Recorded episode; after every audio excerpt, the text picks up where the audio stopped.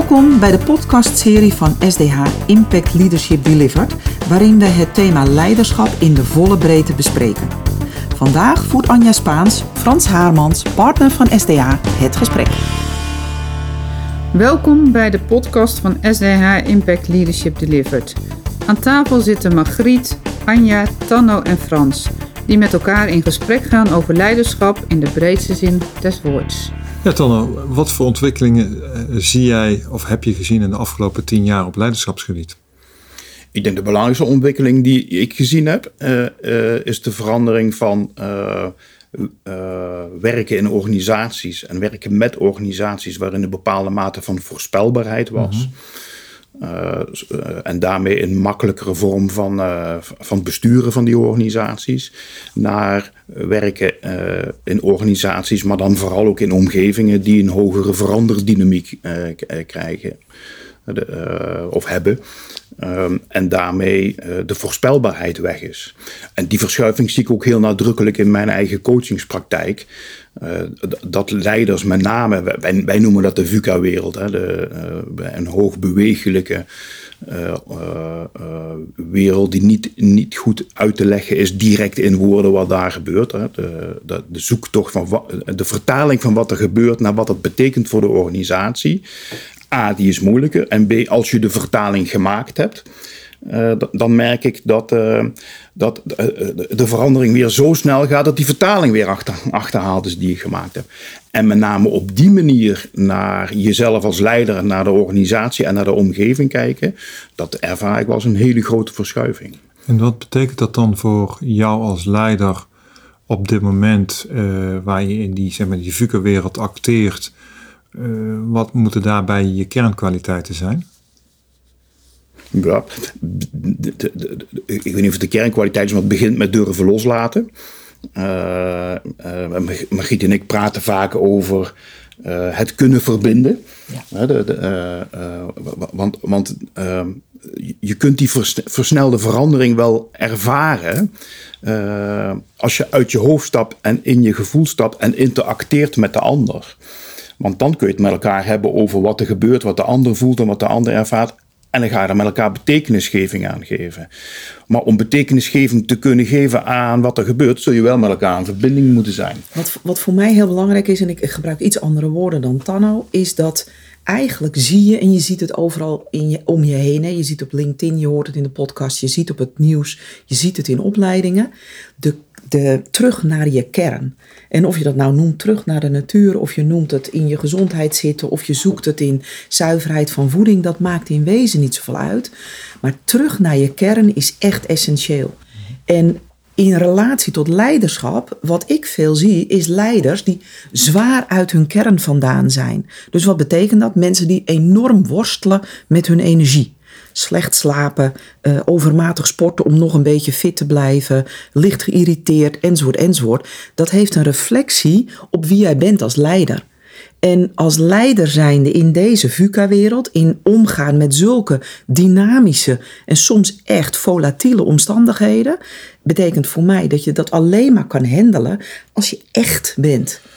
En echt in je kern. Je merkt dat het kompas wat leiders vroeger hadden, het kunnen voorspellen van wat er gebeurde, oorzaak en gevolg heel goed kunnen definiëren, dat kompas is er niet meer. Dus het kompas wat je nog hebt zijn je eigen waardes. Uh, en je eigen uh, contact met de wereld en met jezelf. Uh, dus weer terugkomen bij dat kompas, hè, zoals Margriet dat zo mooi zegt, terugkomen bij je kern. Ja. want dat is je kompas, ja. je diepste waardes. Ik denk dat dat een hele grote stap is die leiders vandaag de dag moeten gaan maken. Dus het kompas is niet meer het kompas wat je gegeven wordt in de buitenwereld. Want de buitenwereld is snel bewegelijk, volatiel. Het kompas zit in jezelf. Dat betekent dat je weer terug moet naar jezelf. Ja, wij zien dat ook uh, in onze searches. En het, het goed selecteren van leiders. Terug dat het veel belangrijker is de waarde die iemand brengt, de persoonlijkheid die iemand is dan uh, de competenties of de ervaring die iemand uh, meebrengt. Je moet heel snel kunnen schakelen, heel flexibel kunnen zijn en zeker jezelf heel goed kennen om succesvol te zijn als leider in deze tijd. En daar kijken wij ook steeds meer naar dan tien jaar geleden. Ja. Toen hadden we hele andere punten waar we in de gesprekken naar keken. Maar herkennen jullie dan ook dat ehm, de, de, de leiders die jullie zoeken, maar ook degene die jullie aan tafel hebben, dat die ook met andere vraagstukken komen vanuit hunzelf? Ja, absoluut.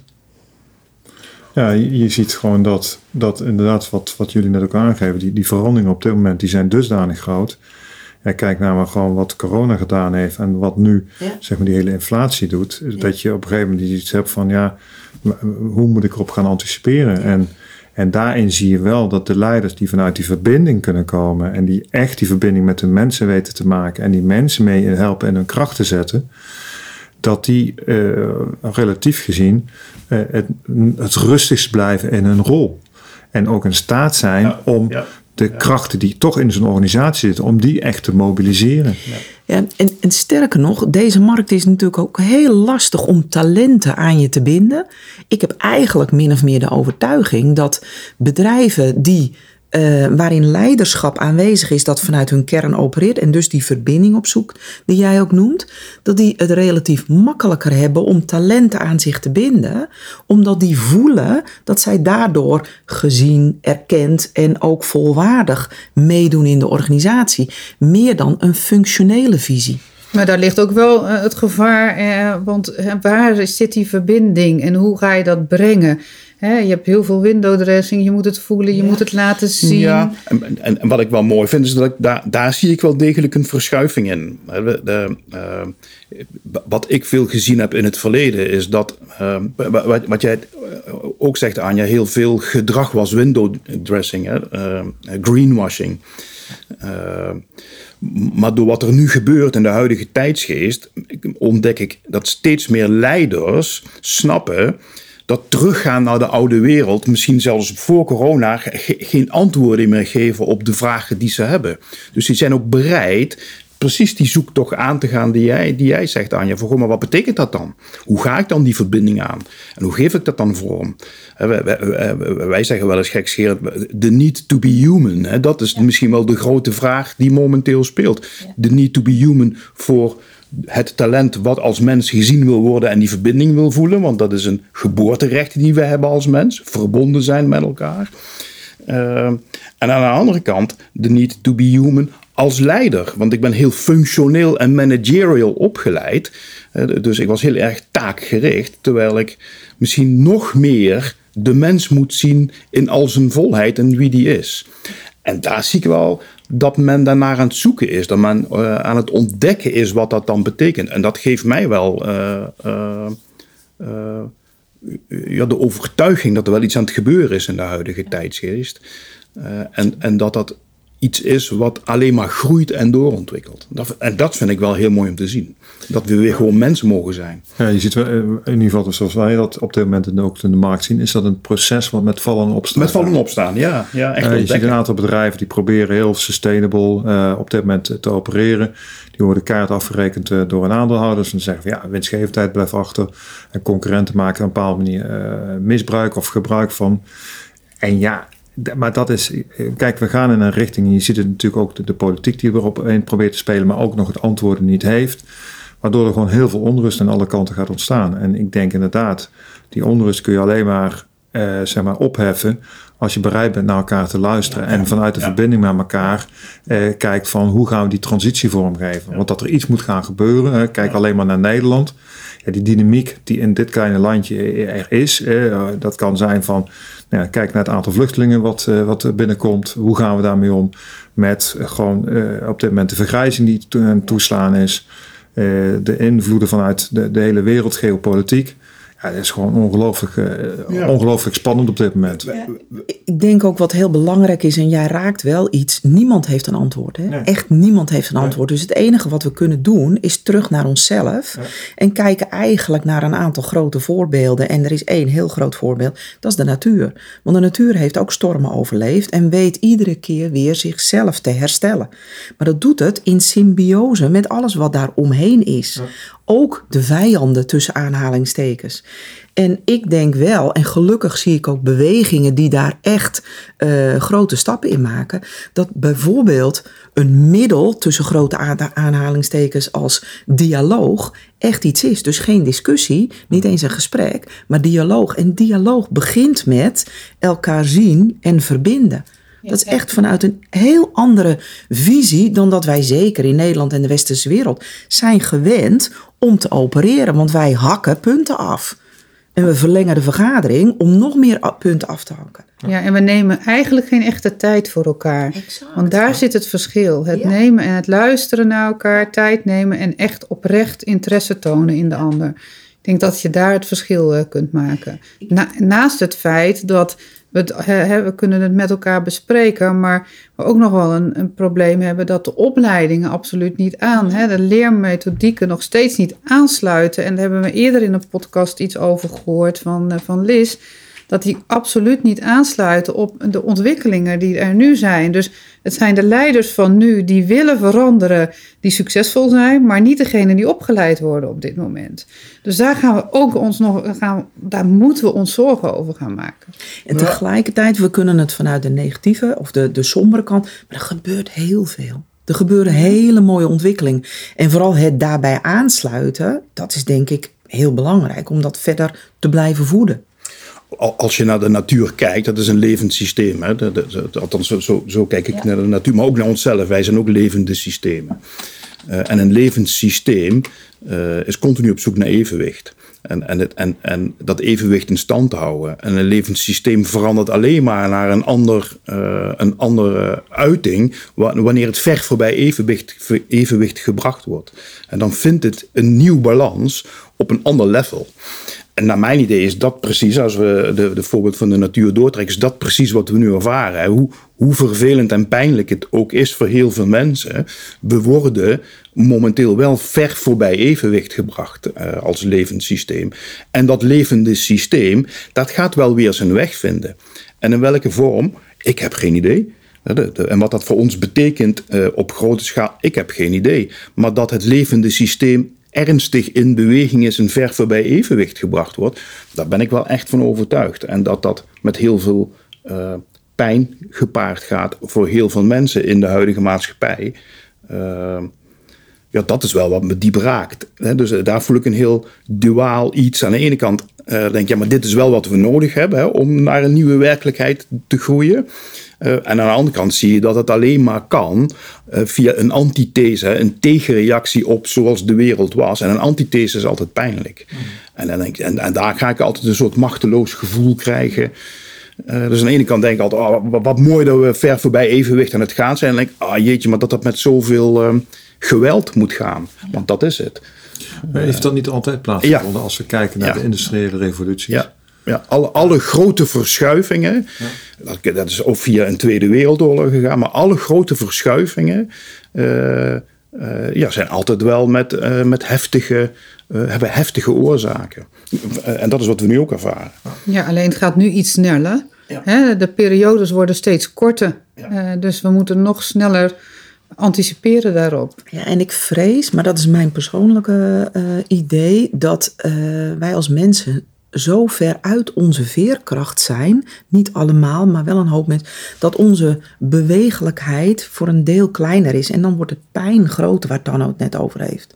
En wat dan in deze beweging, en nou ja, dat, dat, zeiden we natuurlijk net ook al, dat zie je ook, is dat als je dan teruggaat naar jezelf, wie ben je, en teruggaat naar je eigen vertrouwen, hoe klein of hoe groot dat ook is, dan creëer je ook weer meer veerkracht. Het maakt niet uit in welk systeem je kijkt. Of je nou in, de, in, in de openbare sector kijkt of je kijkt in de private sector.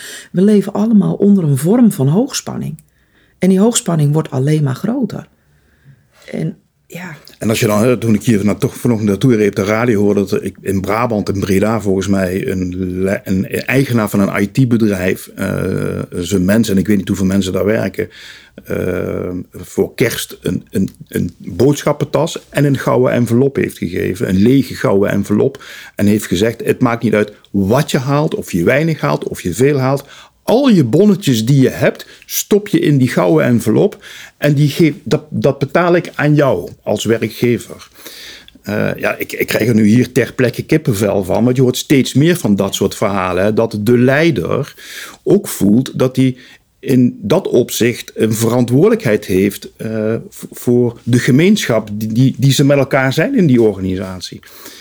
Uh, en, ik denk, ik realiseerde me ook toen we het hadden over die, die veranderingen van die systeem. Denk ja, maar wij zijn de bovenlaag van de maatschappij. Hè? En wij weten niet beter dan dat wij vanuit een bepaald comfort en vanuit een bepaalde luxe naar de wereld kijken en denken dat dat de wereld is. Maar ik denk dat een heel groot deel van de maatschappij, waar wij niet eens contact mee hebben, en deze leider blijkbaar wel hè, met zijn medewerkers, waar wij niet eens contact mee hebben, ja, dat die geen idee hebben hoe ze in deze kunnen overleven.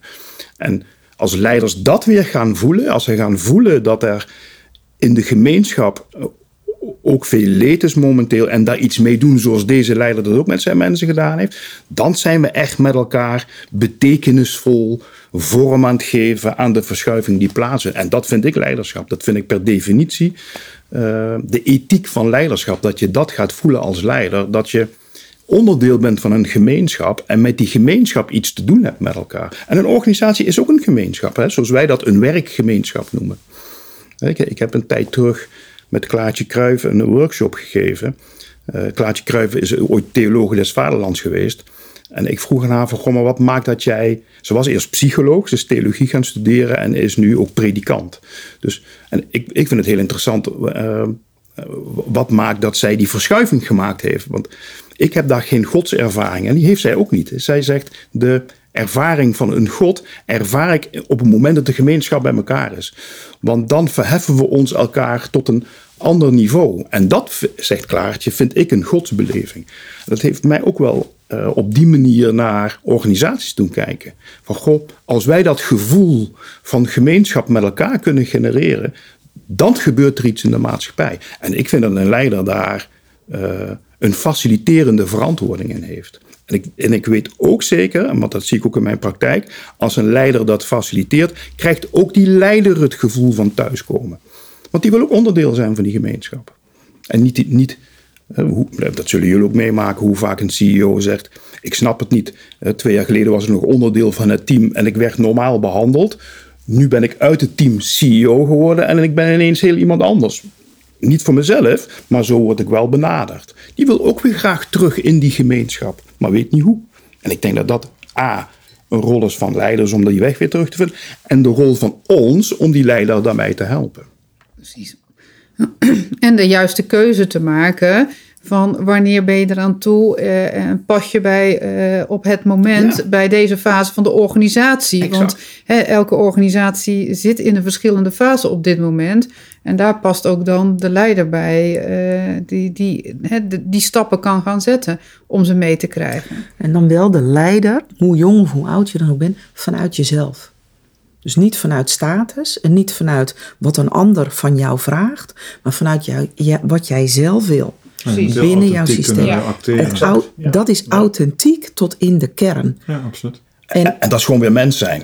Ja. Dat Eigenlijk is niet, wel. Niet de functie leider, maar dat is gewoon ik ben mens en ik heb een bepaalde rol in deze gemeenschap. Ja, dat noemen we leider.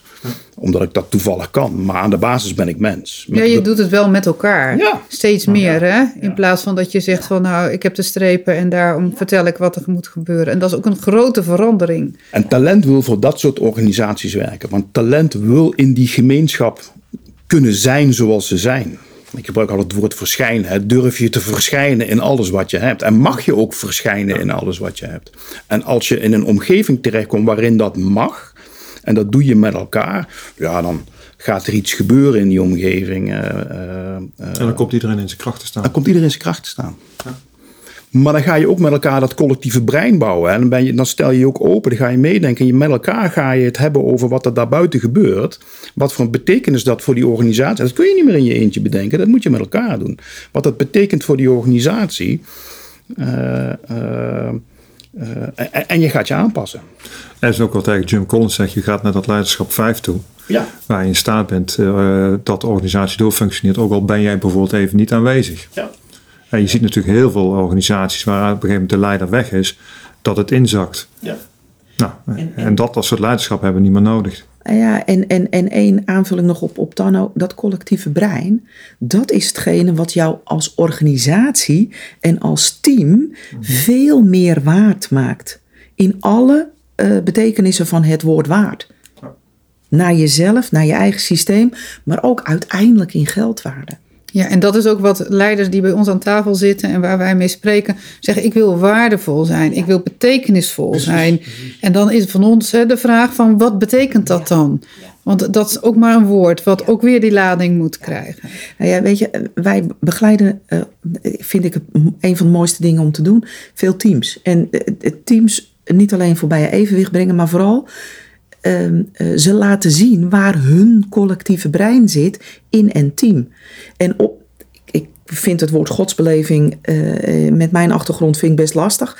Maar als je ziet als een team ervaart waar die gemeenschappelijkheid zit, dan gebeurt er echt iets.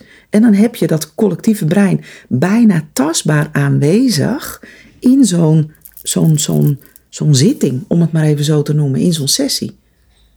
Ja. En dat smaakt altijd naar meer, want dan heb je elkaar echt gevonden, zoals jij uh, zei, Frans. Mm. Dat denk ik ook, ja. ja. Dus heftige tijden, maar wel uh, op zoek naar. Uh... De impactvolle ja. leiders. Ja. Ja. ja. ja. Nou, daar leveren we graag een bijdrage aan. Mooi. Dank jullie wel. Dankjewel. Ja. Ja. Dankjewel voor het luisteren naar de podcast van SDH Impact Leadership Delivered, waarin we het thema leiderschap in de volle breedte bespreken. Vergeet niet een review achter te laten en je kunt je natuurlijk ook abonneren op onze podcastserie.